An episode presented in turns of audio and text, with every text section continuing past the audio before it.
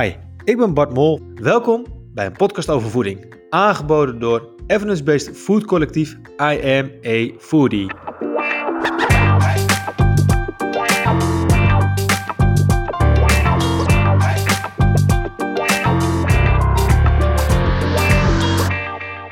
Hey, wat leuk dat je weer luistert naar een nieuwe aflevering van Podcast over voeding. Vandaag hebben we Nat Klappers in de studio en we gaan het hebben over Personalized Nutrition and Health. Dat is een mondvol, maar we korten het af als PNH.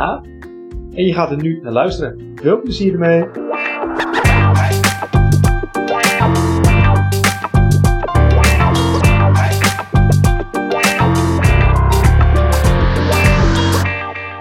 Het zelf altijd wel een beetje spannend hoor. Altijd elke show op uh, naam. Ik heb er inmiddels al een stuk of 14 gedaan volgens mij. Maar uh, 14 al, ja. Ja, maar toch, maar ik, ik heb heel veel praatjes gedaan in mijn leven. Echt heel veel. En ik ben altijd zenuwachtig. voor, uh, voor als ik voor een groep moet staan of whatever. Terwijl, ja, iedereen denkt dan van, ja, dat doe je, maar dat is... Uh, ja, maakt het, maakt het nu ook nog uit trouwens of je het digitaal doet of uh, fysiek, zeg maar? Dat je nu minder spanning hebt? Dat je tegen scherm praat? Ja, je hebt minder spanning, maar dat maakt het wel ook daardoor veel minder leuk en veel minder goed ook of zo, denk ik hoor. Want die spanning heb ik ook wel nodig, zeg maar. Als ik voor een zaal sta en ik zie echt die mensen, dan ja, maakt het ook echt wel, wel beter. Tenminste, voor mij voelt het in ieder geval beter en leuker uh, dan als je voor zo'n scherm praat, zeg maar. Uh, ja. Zeker als je niemand ziet. Dat heb ik ook wel eens bij zo'n webinar, dat je dan echt tegen je eigen presentatie aan het aanpraten bent. En jezelf zo hoort praten en ziet zitten. Dat is echt, uh, ja, je hebt ook geen interactie hè, met mensen. Nee, nee, snappen of fronsen of dat iemand ja, ja, daarom. Ik, mijn presentaties zijn altijd wel doorspekt van allerlei grapjes. En ik geef sommige presentaties al heel lang, dus sommige grapjes gebruik ik ook al, al, al vijf jaar. Maar dan weet ik gewoon dat, dat, het, dat, het, dat het grapje werkt. En dan hoor je zo'n beetje zo'n golfje of zo'n ontspanning door de zaal. En dan weet je dat en dan kan je daar een beetje op door. En nu doe je ook zo'n grapje en laat je stilte en dan ga je weer door. Maar je weet helemaal niet. Het, gaat, het komt natuurlijk heel anders aan, zeg maar. Dus dat is, uh, dat is raar inderdaad. Maar goed. Hey Nat, uh, we gaan beginnen met de show. Ik, uh, zal, ik zal het, normaal doe ik altijd een intro en dan beginnen we met de show. Maar uh, ik vind dit eigenlijk ook wel een, een, leuk, een leuke start. Dus ik zal ons eerst nog even kort alle luisteraars welkom heten bij een hele nieuwe show van de podcast over voeding. Leuk dat je luistert. En ik wil eigenlijk eerst even de nieuwste vriend van de show welkom heten. Dat is Corine van Acht. waarvoor dank. Uh, Nat denkt misschien van, waar, heeft hij het over? Maar uh, wij uh, hebben een donatiemodel met onze podcastshow. Bij vrienden van de show.nl slash POV ja, kan je een donatie doen. Als je dit een hele leuke show vindt, kan, je, kan je iets doneren. dus ja, zodat we dit ja, mogelijk kunnen maken. Zoals je misschien weet zijn we heel onafhankelijk van onder andere de voedingsindustrie. Dus hebben eigenlijk ja, alle giften nodig uh, via een donatie of dat je misschien wel onze boeken koopt via de webshop. Dus dat is eigenlijk een beetje het idee achter de vriend van de show. Maar um, vandaag is Nart Klabbers de gast. En ik heb in 2017 een seminar gevolgd over het thema Personal Nutrition and Health. Een, een volle naam, dus als we het afkorten met PNH, dan weet je waar het voor staat. En ja, dat had ik in 2017, was ik daar dus al een keer geweest. En dat was een onderwerp waar destijds ook een eh, consortium was opgericht. Onder andere eh, TNO en de Wageningen Universiteit en uh, het uh, bedrijfsleven. En ik was eigenlijk wel een beetje benieuwd van, wat is nu de status van de PNA? Is het eigenlijk gewoon een eendagsvlieg gebleken? Of is het echt iets in het hier en nu? Of zijn we misschien wel heel ver en dat ik zelf eventjes de hele ontwikkeling heb gemist? En dat was uh, destijds, of in ieder geval in mijn beeld, um, ja, het, uh, het gezicht van die hele ontwikkeling. Dus wat dat betreft eigenlijk genoeg te bespreken. En ja, na het luisteren van de show ja, ben je helemaal bijgepraat over uh, of dit een bepaalde trend is die ik links kan laten liggen. Of dat het eigenlijk echt iets is waarvan je denkt, wauw, daar moet ik me echt in gaan verdiepen. Dus, Nut, we gaan weer verder waar we net al bij de intro eigenlijk waren, waren achtergebleven. Welkom. Dankjewel. En uh, misschien even voor, voor de luisteraar, als je soms heel veel uh, wind hoort langskomen, uh, we nemen dit niet op ergens buiten in het park of zo, maar het is vandaag die ene woeste dag met de enorme windvlagen. Dus zowel bij ons kantoor als bij NAT, daar komt er wel eens wat gezoom voorbij. Maar volgens mij gaat het goed komen. Nat, ben jij ook alles nog uh, safe? Ja, absoluut. Ik kijk ze nu dan omhoog, dat zie jij alleen. Maar dan kijk ik naar de bomen en die bewegen behoorlijk, maar uh, alles staat nog recht. Oké, cool. Hey, zoals je misschien weet hebben we een vaste start van uh, de show. En dat is eigenlijk uh, of je een, een grote voedingsfrustratie of teleurstelling van de afgelopen week of maand kan delen met ons. Ja, ja dat kan ik wel. en dat is ook wel, uh, ja, wel meteen weer een, een, een, grappige voor mij in ieder geval. Want ik heb sinds elf maanden uh, met mijn vriendin een zoontje, Toby. En uh, Toby gaat naar het kinderdagverblijf. En wij zijn nu net verhuisd van Hilversum naar Oosterbeek. Dus Toby gaat naar een nieuw kinderdagverblijf. En uh, daar kregen we te horen dat hij dan tussen de middag dat ze hem ook dingetjes voeren als krakot, Maria kaakjes en Philadelphia smeerkaas. Nou zijn dat natuurlijk allemaal hele prachtige producten zonder iemand tekort te willen doen. Maar ook allemaal producten die bij mij in het vakje highly processed food vallen. Waar, waarvan ik meteen een enorme knoop in mijn maag kreeg van oh nee, weet je wel. Niet Toby, waarom, waarom moet hij dit soort dingen nu al eten?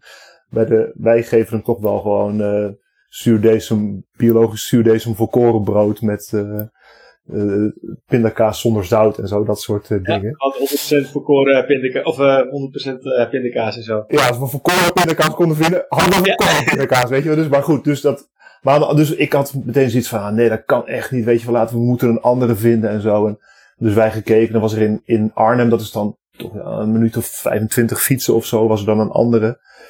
Maar toen hebben we Toby twee keer naar de kinderdagverblijf gebracht met de krakot, om het zo maar even te zeggen. En dat is dus echt op, op 300 meter van ons huis. We kunnen daar met hem heen lopen. Nou, hij kan nog niet lopen, maar we kunnen hem op de arm gewoon daarheen.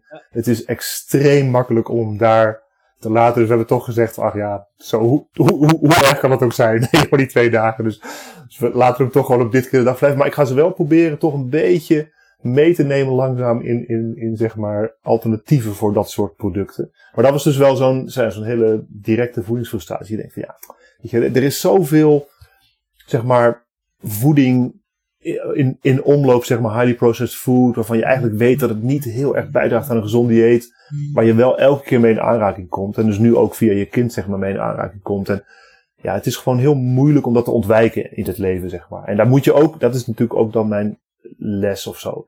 Moet je ook weer niet te panisch en te, te, te moeilijk over doen. Hè? Het is uiteindelijk uh, ook niet zo belangrijk voeding. Nou, nou ja, het, het, het klinkt op zich wel herkenbaar. Dat uh, een paar jaar geleden dat uh, mijn oudste zoontje ook naar de opvang ging, was dat wel een van de criteria. Dat we inderdaad de opvanglocatie gingen bepalen. Of ze ook inderdaad de richtlijnen volgden vanuit de gezondheidsraad. Omdat daar natuurlijk ook allerlei, allerlei richtlijnen zijn voor kinderdagopvangorganisaties van een ja. ja. gezond aanbod van producten, et cetera. Het grappige is wel dat mijn oudste zoon is nu uh, 3,5. Nou, die kan al gewoon goed uh, praten. Dat hij nu echt kan vertellen wat hij heeft gegeten. Ja, ja, ja, Oké, okay, dus dan zeggen ze soms van, oké, okay, we hebben dat, dat gegeten. Dat je dan eigenlijk s'avonds van je zoontje echt wel of hetzelfde verhaal of een ander verhaal hoort. Ja, ik heb eigenlijk dit, dit gegeten. Dat denk ik, oh, oké, okay. dit is nieuw voor ons. En wat je zegt hoor, eh, ook in ons geval gaat hij twee dagen in de week gaat hij naar de opvang. Is ook leuk dat hij dat ervaart en eet, et cetera. En uiteindelijk is het de combinatie. Maar uh, ja. Ja, absoluut. Ik denk ook altijd, en dat geldt ook voor mezelf trouwens. Zoals de basis goed is, dan kan je daar bovenop best wel wat dingetjes uh, variëren en doen. Dus. Ja, hij heeft in ieder geval nog uh, die andere vijf dagen dat je hem zelf... Ja, waarom? Ja. Hebt. Hey, maar laten we even gaan over PNH. Personalized Nutrition and Health. Even beginnen bij het begin. Wat is het? Ja, Personalized uh, Nutrition and Health. Uh, personalized Nutrition eigenlijk. Dat health is meer een soort gevolg natuurlijk. En het was ook de naam van het onderzoeksconsortium. Met, dat heette Personalized Nutrition and Health. Um, maar het hele idee is eigenlijk dat je als persoon tegenwoordig, als, als consument, als, als burger, meer en meer data kan verzamelen over jezelf, over je gezondheid, over de invloed van voeding op jouw gezondheid. Dat er ook steeds meer kennis beschikbaar komt over uh, voeding en gezondheid. Ook bijvoorbeeld van ja, uh, andere mensen die aan zichzelf meten met uh, wearable devices, met hartslagmeters, met stappentellers, met allerlei andere ingewikkelde en hele eenvoudige manieren zeg maar, om dat te meten. En dat je met die gegevens eigenlijk meer kennis hebt over jezelf. En dat je die kennis zou kunnen inzetten om een beter persoonlijk advies te krijgen over wat bij jou past. Dus eigenlijk is personalized nutrition, zoals ik het zie, het gebruiken van de kennis en de data die je zelf hebt, om een beter advies te krijgen van uh, voeding die bij je past. En dat passen, dat kan zijn dat het past omdat je bijvoorbeeld een marathon wil gaan lopen en je wilt trainen. En, en wat past zeg maar uh, bij die ambitie. Maar het kan natuurlijk ook zijn wat past bij de smaakvoorkeur die ik heb. Of wat past bij zeg maar de uh, ambities die ik heb op het gebied van duurzaamheid of CO2 footprint. Hè. Dus zeg maar die passendheid, die kan je best wel breed zien wat mij betreft. En de grote gemene delen wat mij betreft is dat je dus een soort dataprofiel, een soort kennis- en dataprofiel hebt wat je wil inzetten om een beter advies te krijgen. Dus wat mij betreft is personalized nutrition, als, als, om het eh, in goed Nederlands te zeggen, gaat over empowered consumers. Dus gaat eigenlijk over het meer keuzebekwaam worden van consumenten door het inzetten van die kennis en die data. En uh, hoe ben jij er zelf eigenlijk uh, in, ingerold? Ja, eigenlijk ik, ik, uh, vanuit mijn positie, toenmalige positie bij TNO, dus onderzoeks- en innovatieorganisatie.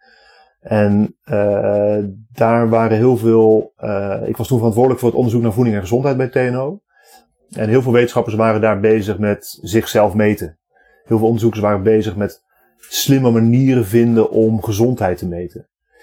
En we hebben toen intern veel gesproken over wat we zeg maar de, de pragmatische definitie van gezondheid noemen. Van hoe zou je nou gezondheid kunnen definiëren? En hoe zou je gezondheid kunnen definiëren aan de hand van bijvoorbeeld een set van tien uh, parameters, een set van tien dingetjes die je kan meten aan iemand.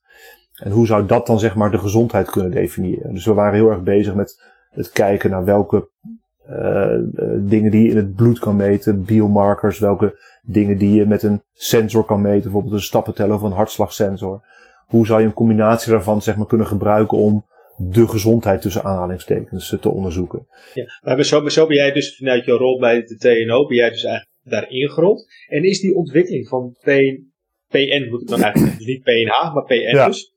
Um, is dat dan eigenlijk dan technologisch gedreven? Doordat die techniek dat nu laagdrempelig kan meten, dat je op basis daarvan dus je eigen voedingsprofiel in kaart kan brengen?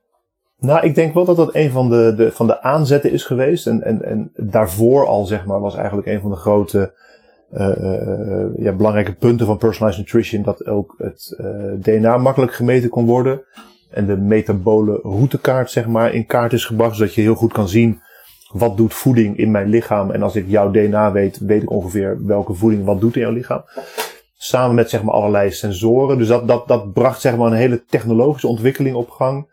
Waarvan heel veel wetenschappers zeiden van, oh shit, als ik nu uh, bepaalde DNA-analyses doe en ik doe uh, een paar metingen in het bloed, dan weet ik eigenlijk heel goed wat iemand moet eten. Dus dat was een soort, ja, tech enthusiasm, en enthousiaste technische ontwikkelingen, zeg maar, waar zeg maar, personalized nutrition in het begin op gebaseerd is. Maar ik denk dat gedurende de, de, de tijd, en dat is ook zeg maar een ontwikkeling die ik zelf heb meegemaakt in dat hele proces van het onderzoeksprogramma van Personalized Nutrition and Health, is dat uiteindelijk zeg maar de vertaling van die kennis en die data en gegevens in uh, informatie die voor consumenten ervoor zorgt dat zij gemotiveerd raken om hun gedrag te veranderen, dat dat eigenlijk misschien nog wel veel belangrijker deel is van Personalized Nutrition. En dat eigenlijk voor wat mij betreft Personalized Nutrition ook gegroeid is, als je kijkt naar het verleden en hoe dat nu is, van een puur technologische aanpak van ik moet iemands DNA weten, ik moet iemands bloeddata helemaal kunnen uitvogelen. Uh, uh, en dan moet ik zeg maar het allerbeste advies geven wat het best past bij de fysiologie van die persoon. Naar, ik moet genoeg weten over de fysiologie van een persoon. Plus iets weten over de psychologie en sociale omstandigheden van een persoon om informatie te geven die iemand uh, motiveert om zijn gedrag te veranderen. Dus dat hele stuk gedragsverandering en wat heb je daarvoor kennis bij nodig over zeg maar de psychologie en het gedragscomponenten van mensen. Dat is wat mij betreft echt erbij gekomen en dat is wat mij betreft nu eigenlijk ook ja, een beetje de heilige graal. Omdat je ziet dat maar heel veel informatie verzamelen en op basis daarvan het allerbeste advies genereren is een mogelijkheid. En is interessant, maar is interessant eigenlijk alleen maar voor een niche van mensen die al heel erg bezig zijn met hun gezondheid. Bijvoorbeeld een professionele marathonloper, ik noem maar iets. Die, die hoef je echt niet te motiveren om zijn uh, gedrag te veranderen en uh, zijn voeding te optimaliseren. Maar de grote groep, 90, 95 procent van de mensen, daar zijn echt andere dingen nodig. En dat heb je het echt meer over gedragsverandering dan over zeg maar nog meer informatie erin gooien. Ja, en als ik het even heel concreet uh, probeer te maken.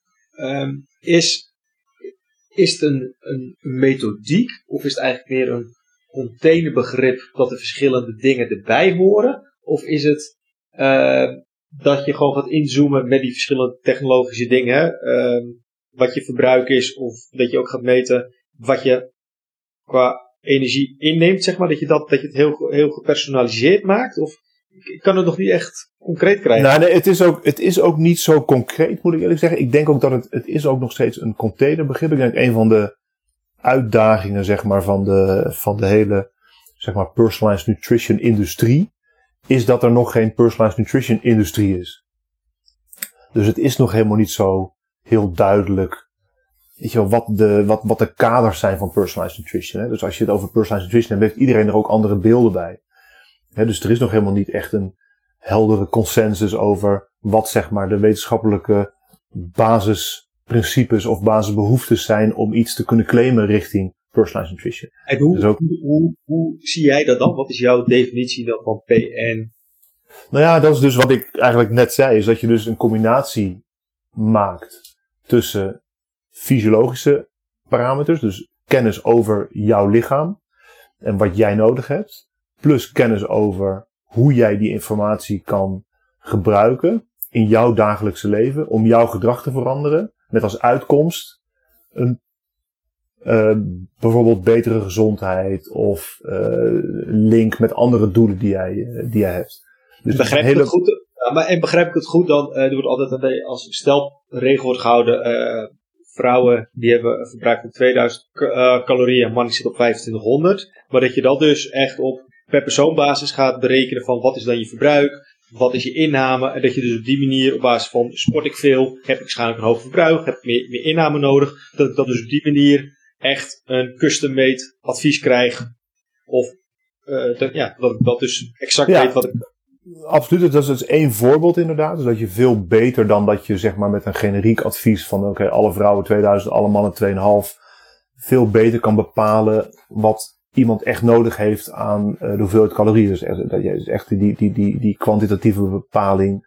Uh, dus hoeveel koolhydraten heb je nodig of hoeveel vetten en eiwitten heb je nodig per dag.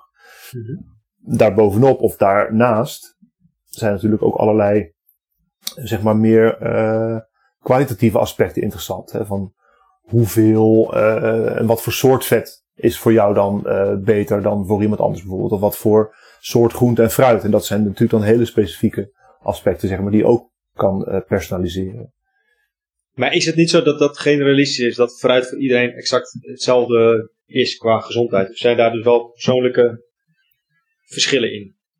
Ja, nee, dus dat is uh, vanzelfsprekend. Hè? Dus, dus ik zeg ook heel vaak van, uh, zeg maar dat, bijvoorbeeld met DNA analyse, als ik dat probeer uit te leggen waarom dat wel of niet relevant is, zeg maar. Dus je kan van 100 mensen een, een, een DNA-analyse doen.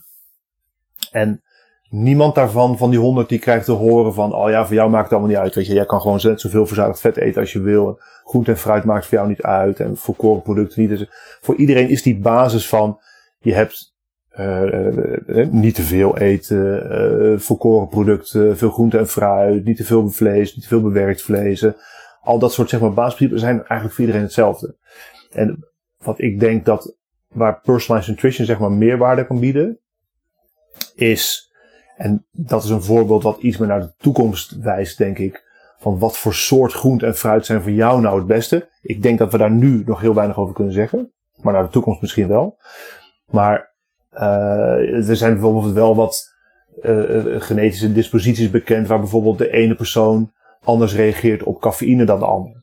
Waardoor het voor de ene persoon wat belangrijker is om uh, koffie te laten staan dan voor de ander bijvoorbeeld.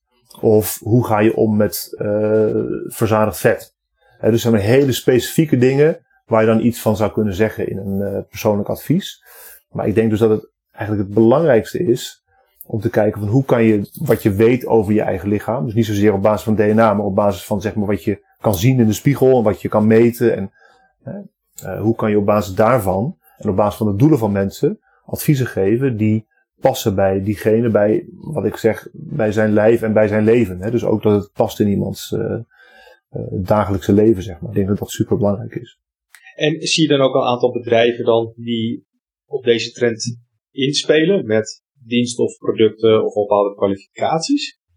Ja, er zijn heel veel bedrijven die nu uh, iets, iets proberen, zeg maar, met, met uh, personalized nutrition.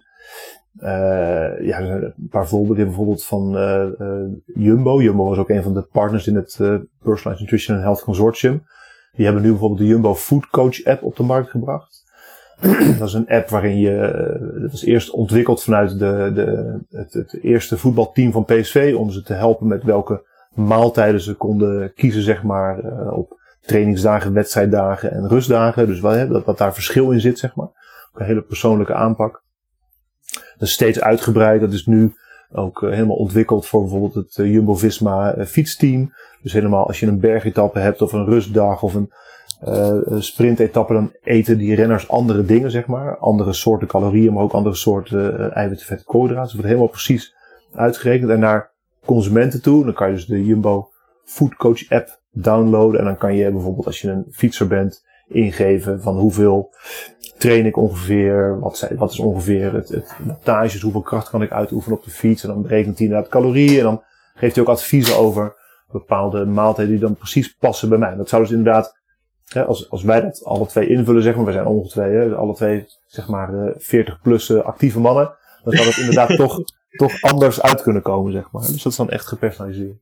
Ja, nou, als je had gekozen voor die andere uh, kinderdagopvang voor 25 minuten fietsen, dan was je wel een stuk. Uh, ja, absoluut. Dat, is, ja. dat komt nee, maar, um, Ja, maar, maar, vervangt het in dat geval met, uh, met PSV of die, dat wielenteam, vervangt het dan eigenlijk gewoon niet de rol van een sportdiëtist? Nou, ik denk dat het, het, het, een aanvulling is en zal worden op de rol van sportdiëtist. Kijk, een sportdiëtist, al die teams hebben natuurlijk een eigen sportdiëtist. Super belangrijk, super belangrijke rol. En ik zeg ook altijd van, diëtisten zijn uiteindelijk ook experts, of zouden eigenlijk experts moeten zijn in personalized nutrition. En zijn dat vanuit de historie ook, denk ik. Omdat je als diëtist heel goed luistert naar iemand, ook uh, kennis hebt over iemands persoonlijke gezondheid en kennis hebt over iemands persoonlijke leven, waarop je dat uh, advies kan baseren. En ik denk dat, ja. zeg maar naar de toekomst toe, diëtisten ook gaan leren om met veel meer verschillende soorten data rekening te houden.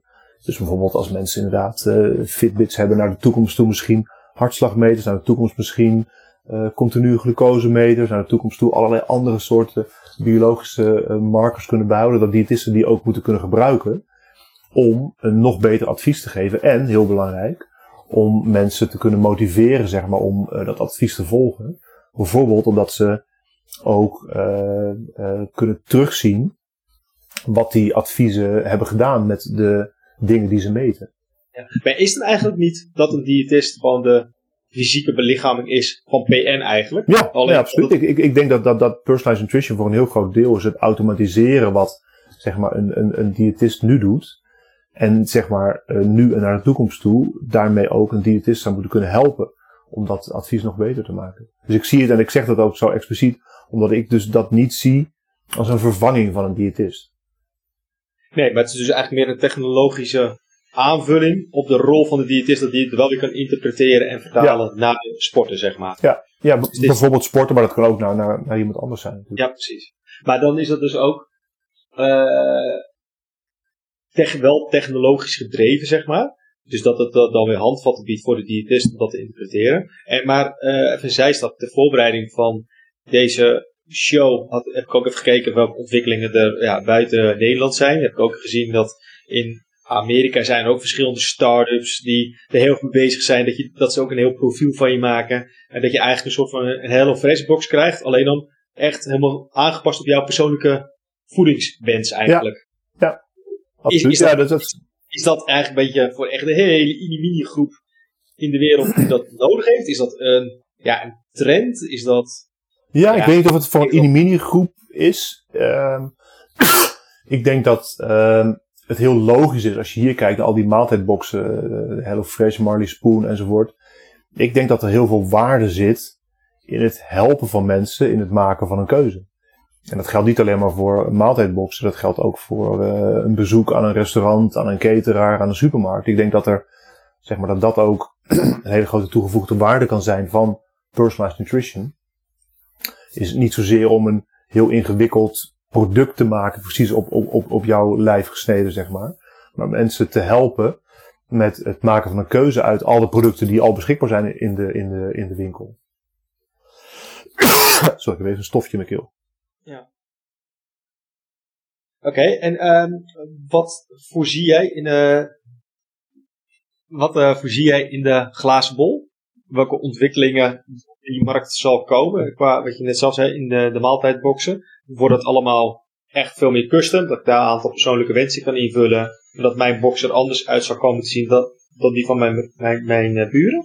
Ja, nee, ik voorzie echt dat mensen de persoonlijke data die ze gaan, uh, die ze hebben. En iedereen heeft natuurlijk die persoonlijke data al. Hè? Ik bedoel, al is het alleen maar lengte, leeftijd, gewicht, buikomtrek enzovoort. Dat zegt al iets. En waarom zou je niet, zeg maar, geholpen willen worden op basis van die uh, uh, informatie om een betere keuze te maken? Dus ik denk inderdaad dat op alle plekken waar mensen voeding kopen, zal je geholpen kunnen worden, zeg maar, met je, op basis van je persoonlijke profiel. Dat is denk ik de, de toekomst. En dat zal dan op basis van gezondheid zijn, maar ook uh, op basis van bijvoorbeeld duurzaamheid. Ja, en hoe, hoe zou ik dat dan voor me moeten zien? Ga ik in eerste instantie daarna een diëtist om te zeggen, ehm, ik wil mijn PN-profiel in kaart brengen? Of kan het al op een gedigitaliseerde manier? Ik had ook onlangs een show opgenomen met iemand die ging heel over de artificial intelligence. Dat die het eigenlijk het, het domme werk zeg maar, overneemt, zodat een diëtist in dit geval ja, haar expertise ja, naar voren kan brengen. Ja, ja ik, ik denk dat het naar de toekomst toe gaat beginnen met dat persoonlijke profiel. En dat je dus inderdaad op een veel makkelijkere manier zo'n persoonlijk, profiel kan verkrijgen. He, dus bijvoorbeeld nu al is het of moet het mogelijk zijn voor iedereen om je medische data in te zien. Maar ik ken niemand die dat, die dat doet. Uh, maar we zijn bijvoorbeeld nu ook met het bedrijf waar ik werk, HAP, zijn we aan het werken met een ander bedrijf, DigiMe. En die maakt zeg maar digitale datakluizen. Waardoor ik zeg maar als individu in de toekomst op een hele makkelijke manier mijn eigen medische dossier kan inzien, maar ook de data daaruit zou kunnen gebruiken. Nou, ik kan niet zoveel met mijn medische dossier, maar er zijn natuurlijk een heleboel mensen waar, die daar wel heel veel mee kunnen. Dus als ik die data heel makkelijk zeg maar, naar een eigen persoonlijke eh, dataprofiel zou kunnen trekken, en dat aan zou vullen met bijvoorbeeld persoonlijke doelen die ik heb. Bijvoorbeeld, ik wil hard gaan fietsen op uh, 28 augustus 2021. Ja, dit zijn mijn lengte, leeftijd, gewicht. Dit is mijn buikomtrek. Dit is de tijd die ik per week vrij wil maken. Dan is dat een combinatie van data. Waar zeg maar experts heel veel mee zouden kunnen. En die experts zijn denk ik in eerste instantie in de vorm van een algoritme. Die iets maakt zeg maar op basis van die data die daar een bepaald uh, advies aan, aan linkt. En ik zie het dan voor me dat je als je daar genoeg aan hebt. Dat dat dan ook genoeg is. Dat je op basis daarvan zelf aan de slag gaat. En ik denk dat er een bepaald percentage mensen is die op basis van dat advies meer willen weten. Het uh, zeg maar meer persoonlijk nog willen maken. Het met iemand willen overleggen. En dat die bijvoorbeeld naar een diëtist uh, gaan. Is ook een bedrijf wat ik ken in Amerika. Uh, EVA, AVA. Die doen dat. Dus die, die, daar, daar kan je een heel persoonlijk profiel laten maken. en als je meer wil weten, dan kan je zeg maar via een druk op de knop, via hun app, in contact komen met een uh, diëtist of met een nutritional counselor, of hoe zij dat daar dan ook noemen. En dat is wat dat betreft denk ik ook een, ja, echt, ook echt een nieuw verdienmodel, zeg maar, voor diëtisten. Ja, ja, ja ik, ik, ik, ben nog even aan het even laten bezinken wat daar dan het vernieuwende aan is. Dus als ik dus nu naar een diëtist ga, dan maakt ze zeg maar op basis van een eetdagboek heeft ze in kaart wat mijn gemiddelde eetpatroon is, of wat ik dan in de week eet. Daarin kan ze al een analyse maken van nou, ik zou dat laten staan, ik zou dat zou ik uh, vergroten, bijvoorbeeld meer uh, verkoren eten, et cetera. Um, welke toevoeging is, is dan nog P, P, PN dan nog meer, zeg maar? Moet ik het toch meer zoeken in die maaltijdboxen, dat dat dat gebaseerd is op wat ik nodig heb, in plaats van dat dat, dat, zelf koopt in de supermarkt? nou, ik denk dat, dat, dat het aan, aan twee kanten ligt. Ik denk dat, dat, dat zeg maar de data en de technologische uh, evolutie of revolutie aan, aan alle twee kanten van het spectrum uh, iets kan toevoegen. Aan de ene kant kan die diëtist naast zeg maar een uh, voedingsanamnese veel meer data gaan gebruiken. Dus hij kan aan de ene kant een veel preciezer advies geven aan jou. En uh, nog een, een, een, ander voordeel van uh, meten is dat je dat advies ook veel beter kan opvolgen. Zodat je dus een soort feedback kan uh, zien. Dus als je bijvoorbeeld gewicht kan je elke week meten natuurlijk. Maar als je bijvoorbeeld hartslag of je kan bloeddruk of met een continue glucose meten, dan kan je heel direct zien wat het advies doet met jouw gezondheid. En dat kan je ook motiveren om dat gedrag vol te houden. Dus ik denk dat dat een deel is van personalized nutrition wat echt meerwaarde biedt aan hoe een diëtist bijvoorbeeld uh, nu kan werken. En aan de andere kant denk ik dat je door die automatisering ook het advies veel toegepaster kan maken.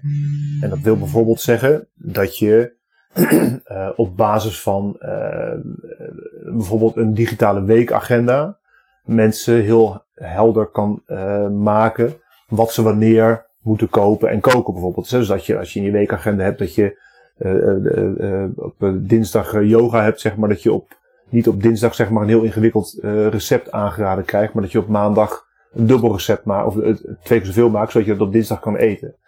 Dus zeg maar die hele praktische vertaling en praktische invulling om het mensen makkelijk te maken, zeg maar, om de gezonde boodschappen te doen, de gezonde recepten te koken, dat in te passen in hun leven, het leven van hun gezin.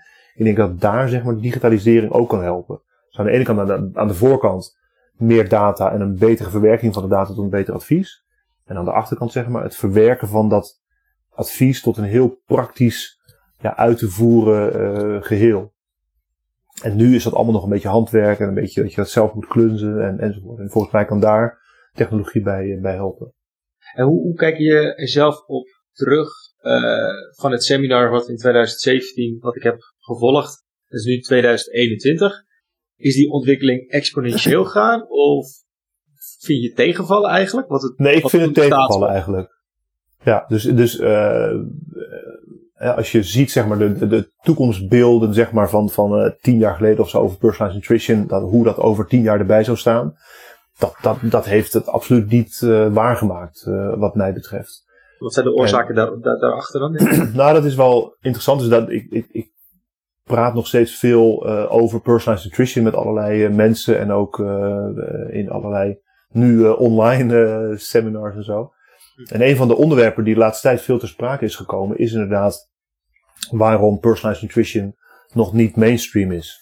En ik denk dat een van de redenen waarom het niet mainstream is, is omdat het eigenlijk de, de voordelen ervan zijn veel te klein ten opzichte van de nadelen. Dus je hebt als consument, als gewoon mainstream consument, dus gewoon iemand die bij de, bij de Jumbo, Albert Heijn enzovoort boodschappen doen. En uh, gewoon niet heel specifiek doel heeft. Niet een marathon wil lopen. Geen uh, diabetes type 1 heeft. Weet ik veel waar je echt uh, op je eten moet letten. Maar gewoon een beetje leuk wil meedoen. En een beetje meer zekerheid wil over of het eten dat ze kopen goed is.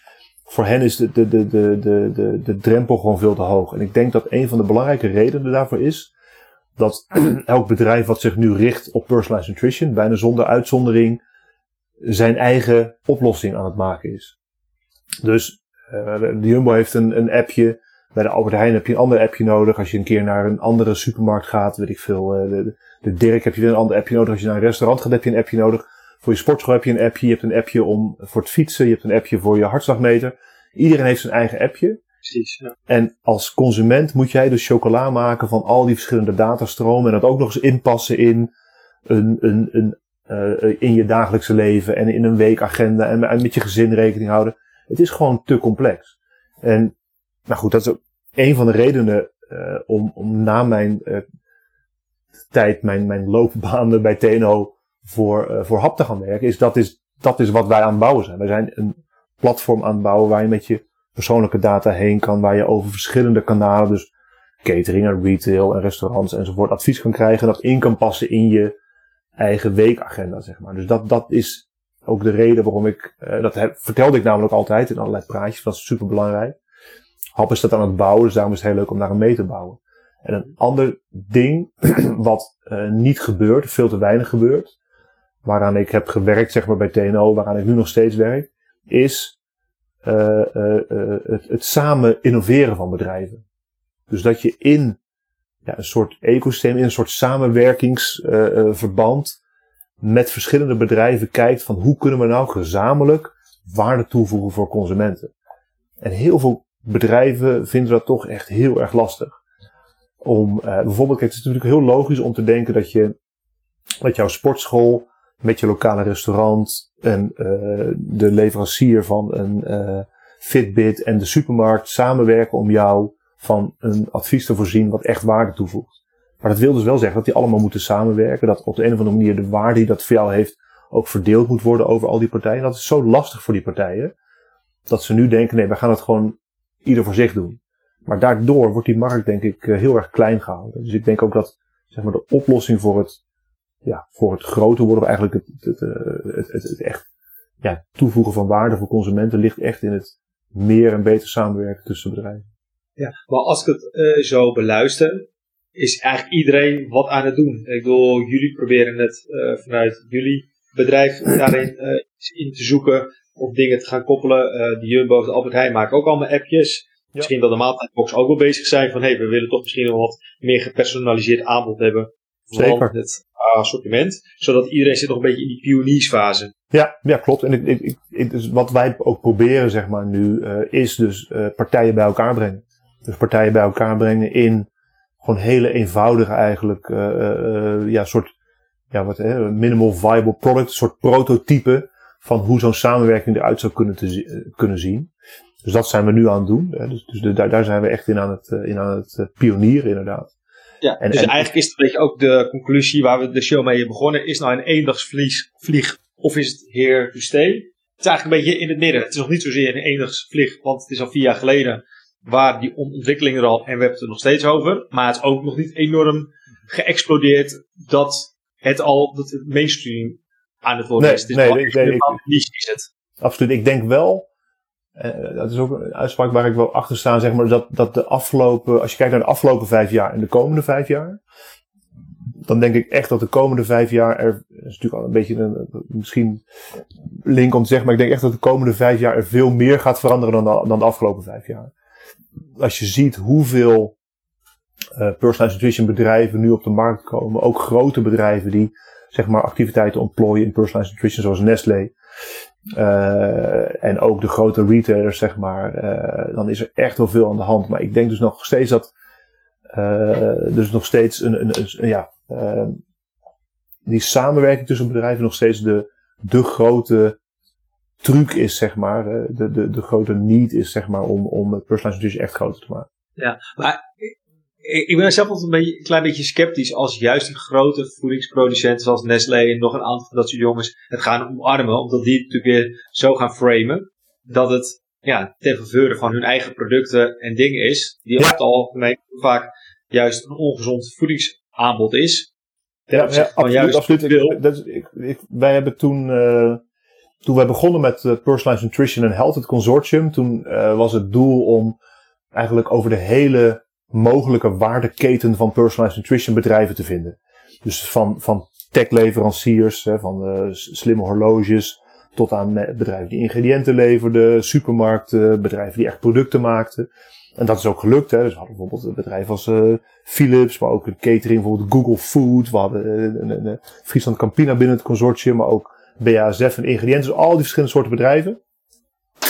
Maar we hebben met heel veel uh, grote voedingsbedrijven gesproken. En Friesland Campina was dus een van de weinigen die mee wilden doen. En uit de wandelgangen hoorden we ook dat uiteindelijk, zeg maar, voor heel veel grote voedingsbedrijven, personalized nutrition toen, en dat is nu toch wel een beetje anders, toen nog heel eng was. Omdat personalized nutrition ervan uitgaat dat je consumenten heel keuzebekwaam maakt. Dat is eigenlijk het doel van personalized nutrition, is consumenten heel veel leren over hun eigen gezondheid en over de invloed van voeding op hun eigen gezondheid. Zodat ze niet meer alleen op prijs, smaak en gemak hun voeding kiezen.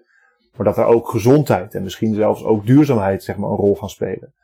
Maar voor producenten die uh, hun hele businessmodel hebben geënt op producten die heel goed scoren op alleen maar prijs, smaak en gemak. is zeg maar het toevoegen van een hele keuze, of het zeg maar introduceren van een hele keuzebekwame consument die alleen maar let, of veel meer let op gezondheid, is een risico voor hun businessmodel. En dat is ook een reden waarom zeg maar heel veel producenten het helemaal niet zo ja, interessant vinden, dat personalized nutrition. En daar, daar zie je toch wel een kentering in. Ik ik had een mooie quote pas gezien van uh, Unilever, natuurlijk ook de uh, enorm voedingsbedrijf. En die zegt, ja, personalized nutrition is niet making one billion different products. Dus niet een miljard verschillende productjes maken, maar one billion pieces of advice. Dus hè, zeg maar, mensen adviseren over welke van de bestaande producten van Unilever het beste passen. En dat vind ik wel een mooie switch inderdaad van die bedrijven. Om niet te denken in we moeten andere dingen gaan maken. Maar we moeten mensen op een andere manier informeren over wat we hebben. Maar goed, daar blijft natuurlijk wel bij dat als je ongezonde shit maakt. En je wil alleen maar binnen je eigen assortiment als, uh, adviseren. Je nog steeds niet relevant bent voor consumenten. En dat is. Wat, wat, want ik associeer PN met een gezond voedingsgedrag. Ja, dat inderdaad. PN wat verder kan verbeteren en stimuleren. Ja, ja. Toch? Dus dat is, dus, uh, ja. Dus, dus dat, dat is het end goal. Maar, dat zo... dus, als je, dus als je consumenten echt keuzebekwaam maakt, echt bekrachtigt zeg maar in, in uh, meer kennis enzovoort, dan zal je dus als bedrijf ook je producten daarop moeten aanpassen. Ja, precies. ik bedoel, het moet wel gezonder worden of minder ongezond. Ja, ja, absoluut. Nou ja, ja inderdaad. De, de, de trend nu natuurlijk, uh, uh, dat is een beetje wat ik tegen heb op al die uh, programma's inderdaad, rond logo's enzovoort. Dat die producten eigenlijk vooral minder ongezond worden gemaakt. Terwijl ik eigenlijk als ambitie zou willen zien dat er gezonde producten op de markt komen en niet minder ongezonde. Maar was het zo, zo dat in het consortium dat de Friesland Campine er juist bij zat, omdat ze van binnenuit willen meemaken welke ontwikkelingen gaande zijn, dat ze weten van wow, dit komt op ons af?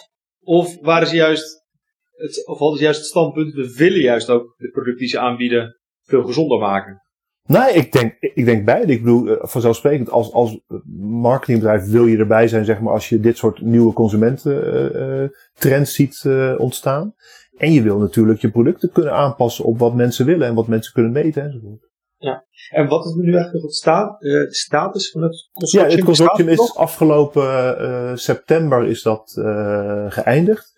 Ik heb net twee weken geleden of zo de eindrapportage nog mijn, mijn input daarop gegeven. dus dat is helemaal afgerond. ja. maar was het ook al en volgens de verwachting dat ten tijden van oprichting van het consortium dat het gewoon een looptijd had van x jaar. En dan was het gewoon ja, een looptijd van... Op, of de visie was klaar, of hoezo eindigt dat dan? Ja, ja het was inderdaad een looptijd van vier jaar, het is iets langer doorgelopen.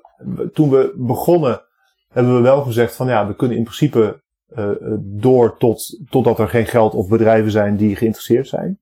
He, dus uh, je kan natuurlijk altijd weer een nieuw consortium en door enzovoort.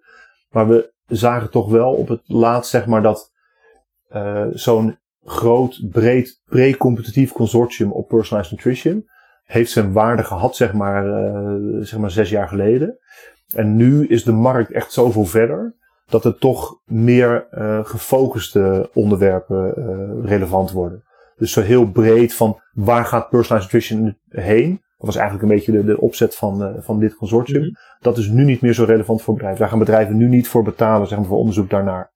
Dus er zijn wel, zeg maar, meer concrete personalized nutrition projecten bijvoorbeeld over personalized nutrition in de zorg. Gewoon heel concreet met bedrijven in de zorg echt meer in die, in die ene uh, niche.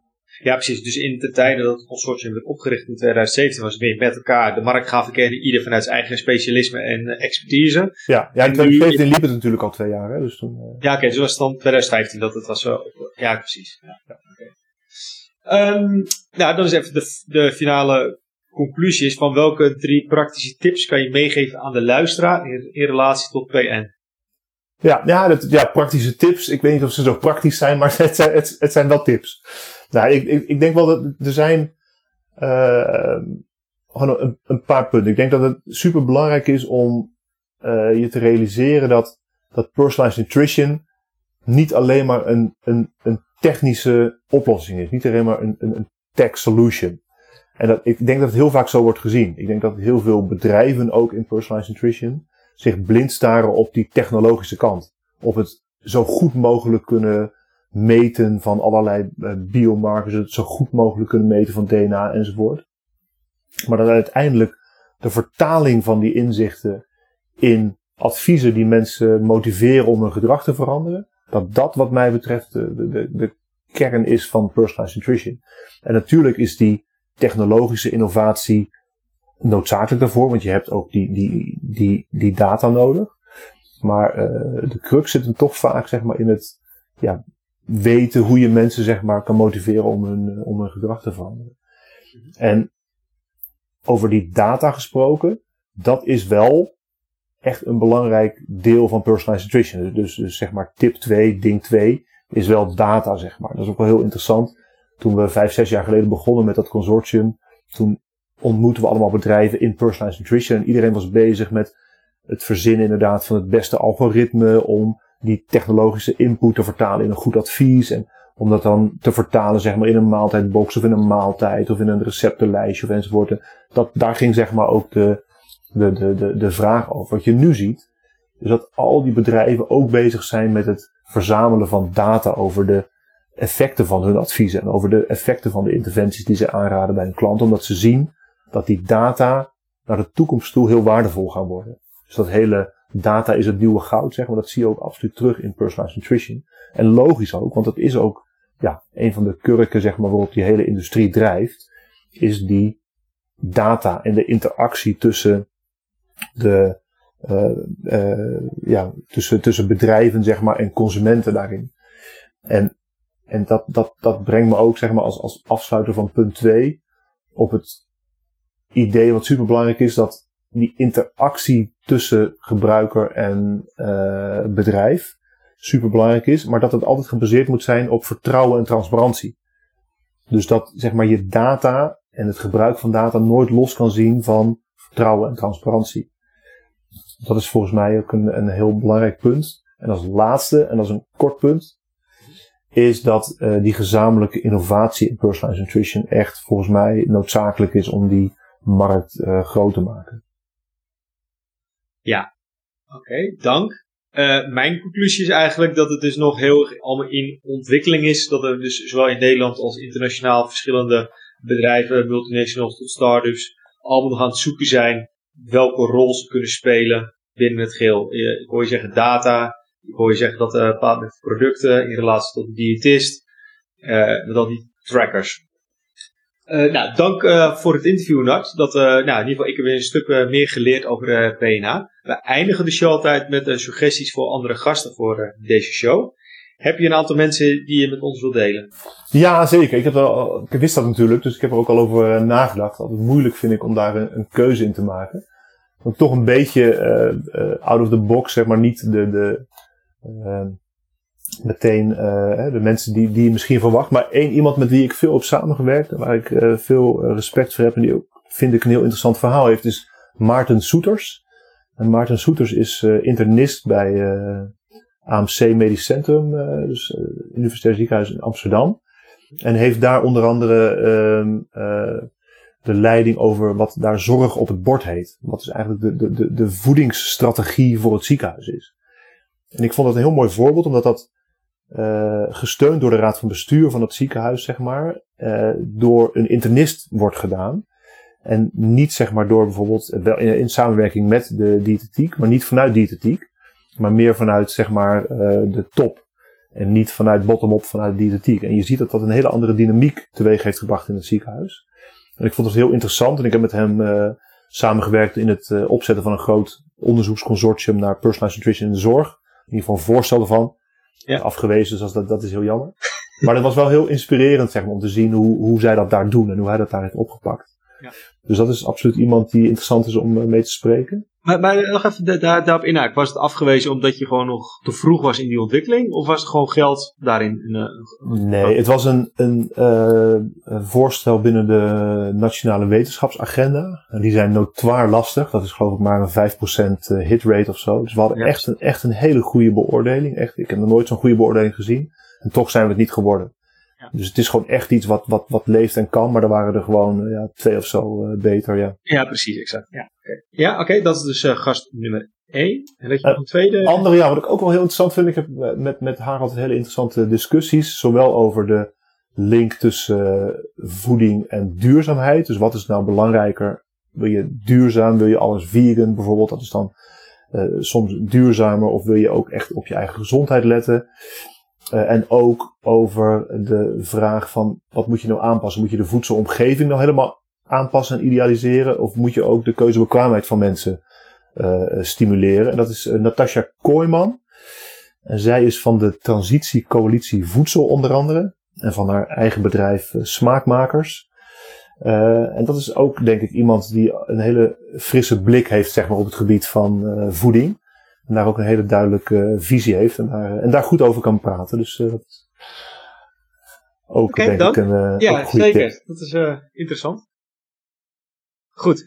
Um, nou, Nat, we zijn eigenlijk op het einde gekomen van de show. En dan gaan we eigenlijk altijd even nog wel ongegeneerd verkopen. Dus heb jij nog iets wat je onder de aandacht willen brengen waar je nu mee bezig bent. Zeker, absoluut. Dus ik, ik, ik werk nu en ben mede-eigenaar van World of Hub. En dat is dus een, een, een, bedrijf in personalized nutrition, waar we op basis van je persoonlijke profiel op een consumentenplatform advies willen gaan geven over verschillende kanalen heen. Dus zowel voor retail als voor restaurants. En dat ook heel makkelijk willen integreren in een persoonlijke agenda. Dus het is echt die aan de ene kant een soort digitale butler die jou helpt, zeg maar, om uh, de beste voedingskeuzes te maken op basis van wat jij wil. En ook, zeg maar, je helpt om dat makkelijk uh, te maken voor jou en je gezin. Dus echt het ontzorgen van mensen op het gebied van uh, voeding, gezondheid en duurzaamheid. Dat is wat wij nu bouwen. Dus volg dat vooral op worldofhub.com. Dus dat is denk ik goed voor de mensen om te weten. Ja, ik, ik, ik, ik, ik, ik zal die URL in de show notes zetten. Ah, ja. Heel goed. Maar ik kan dus nu nog niet iets kopen bij jullie, een app of zo? Of nee, we zijn nu we zijn aan het testen. Dus we zijn nu wel onze eerste app aan het testen. Maar dat is nog niet voor grote consumentengroepen. Maar wanneer, is het, wanneer, wanneer komt het live? Het is nu maart 2021? Ja, eind van het jaar moeten we met de eerste versie live gaan voor consumenten. Aha, oké. Okay. Als je daar meer over wil weten, kan je altijd ook mij volgen op, of connecten op LinkedIn. Dus misschien dat die URL ook in de show notes kunnen komen. Ja, komt goed. Ja. En nog een andere interessante verkoper informatie is dat we 7 oktober weer een congres gaan organiseren samen met Wageningen Academy. Dat is de zeg maar, congresorganisatie van Wageningen University and Research in Ede over personalized nutrition. Dus dat is 7 oktober. Oh, dus serieus? er komt weer een fysieke sessie die, ja, die komt eraan. Ja, komt, dus dat is niet zeg maar het seminar, maar echt een groot congres. Internationale sprekers. Uh, in Ede, fysiek. Uh, dus ik hoop dat het allemaal door kan gaan. Uh, Covid-wise dat het allemaal mag. Covid-wise ja. dat het allemaal mag. Misschien met een, met een vaccinatiepaspoortje of zo. Ja, ja, maar er is ook nog een, een, datum om even in de gaten te houden in ieder geval. En is de, de kaartverkoop al begonnen? Kaartverkoop is nog niet begonnen. Uh, vanaf uh, eind maart uh, gaat dat beginnen. Oh ja. Nou, ik bedenk me net, misschien kunnen we de luisteraar van een kortingscode geven, of niet? Als we zoiets kunnen fixen in de, show notes. Dan hebben ze de, hebben ze de show geluisterd. Nou, en met die kortingscode kunnen ze een kaartje kopen. Misschien hebben we daar op die manier nog een extra trigger ja, voor. ik vind dat een hartstikke mooi plan. Maar dan moet ik wel met, uh, met Astrid uh, bespreken, die de organisatie is vanuit uh, Wageningen. Zij gaan okay. over het geld. ja, nee, nee, oké. Okay. Nou, in ieder geval voor de luisteraar. Dit hebben we dus niet van tevoren bedacht en uitgesproken, et cetera. Het nee. van Mocht uh, Nart met Astrid hebben, hebben gesproken, dan zou je het zien in de show notes. Mocht er niks staan, ja. dan weet je dat Astrid een boeman is en dat het niet kan. maar ik vind het wel een goed plan. Ik ga dat. Uh, Oké, okay, nou goed. Cool, thanks. Oh ja, dan moet ik zelf ook nog wat uh, verkopen. Het komt misschien beter als jij. Uh, kun jij niet onze producten onder de aandacht brengen, Nart? Nou, sterker nog, ik zal even een. een hoe zeg je dat? Een. Hoe, hoe, noemen we dat? Een, een, een review, een shout-out. Ja, hoe noemen we dat? Een, nou goed, toen, uh, toen mijn uh, vriendin uh, zwanger raakte, dus nu... Lang jaar geleden. Nee, ja, is dat, ja. Anderhalf jaar, ruim anderhalf jaar geleden. Is 11 plus 9, ja? Ja, bedankt, ja. Dat vind ik veel te ingewikkeld. Maar het eerste wat ik toen kocht was natuurlijk een boek van jullie. Namelijk de, de, de zwanger versie van Eet als een expert. Dus dat is absoluut wel de, de, de go-to cadeautje, zeg maar. Als mensen iets van een, een voedings- of kookboek willen, dan, dan kijken we natuurlijk eerst bij jullie. Ja, en zou, zou ik even dan toelichten hoe het concept eigenlijk is? Want dat is dus zwanger. En vervolgens wil ze natuurlijk helemaal in shape komen in sporten. Dat is eigenlijk Eet als een atleet is een heel goed boek. Om weer lekker in die sportvibe te komen. En daarna wil ze of maar eens gaan hardlopen. Dan heb je Eet als een atleet hardloopeditie. Stel voor dat je niet zo hard lopen bent. Dan heb je gewoon weer het boek Eet als een expert. Want dat is gewoon uh, ja, uh, de basiskennis over gezonde voeding. En om weer lekker te kunnen koken, net weer Eet als expert. Partytime. En op die manier is de cirkel rond. En oh ja, trouwens nog even een nieuwtje. Uh, straks is de Little One voor jullie ja, die is richting, ja, die begint wel een beetje richting tweeën te gaan. is nu 11 maanden. Maar er komt in de zomer 2021 komt ons nieuw boek uit. Dat gaat, het wordt een, een dreumesboek. Dus dat is, gaat van borstvoeding tot twee jaar. Dus, dus ah ja, dat is heel interessant. Ik ben dus in mijn uh, vorige leven bestuurslid geweest van de stichting Kindervoeding 0 tot 4. Ah. Om zeg maar te harmoniseren wat zeg maar voor richtlijnen er allemaal bestaan. En om dat makkelijk te maken voor ouders enorm belangrijke tijd, natuurlijk, enorm belangrijke fase. Die eerste duizend dagen van de conceptie tot het tweede levensjaar, zeg maar. En dat is een super belangrijke tijd. En heel, heel goed dat daar een boek voor komt. Dat is echt een, uh, echt een lacune volgens mij ook. Ja, nou, is grappig dat je het zegt. Ik heb toevallig ook een show opgenomen met uh, Tessa Ro uh, Roosboom. Die de auteur is van de ah, eerste, eerste duizend dagen. Ja. ja. Dus, nou ja, dan heb ik alleen als laatste nog even voor de luisteraar. Mocht je het een hele leuke show vinden, ga als de weer gaan naar vriend van de show nl slash POV. En uh, doe een donatie, zijn we ook blij mee. En als je een van onze boeken koopt, zijn we uiteraard ook uh, blij mee. En dank voor het luisteren en tot de volgende show.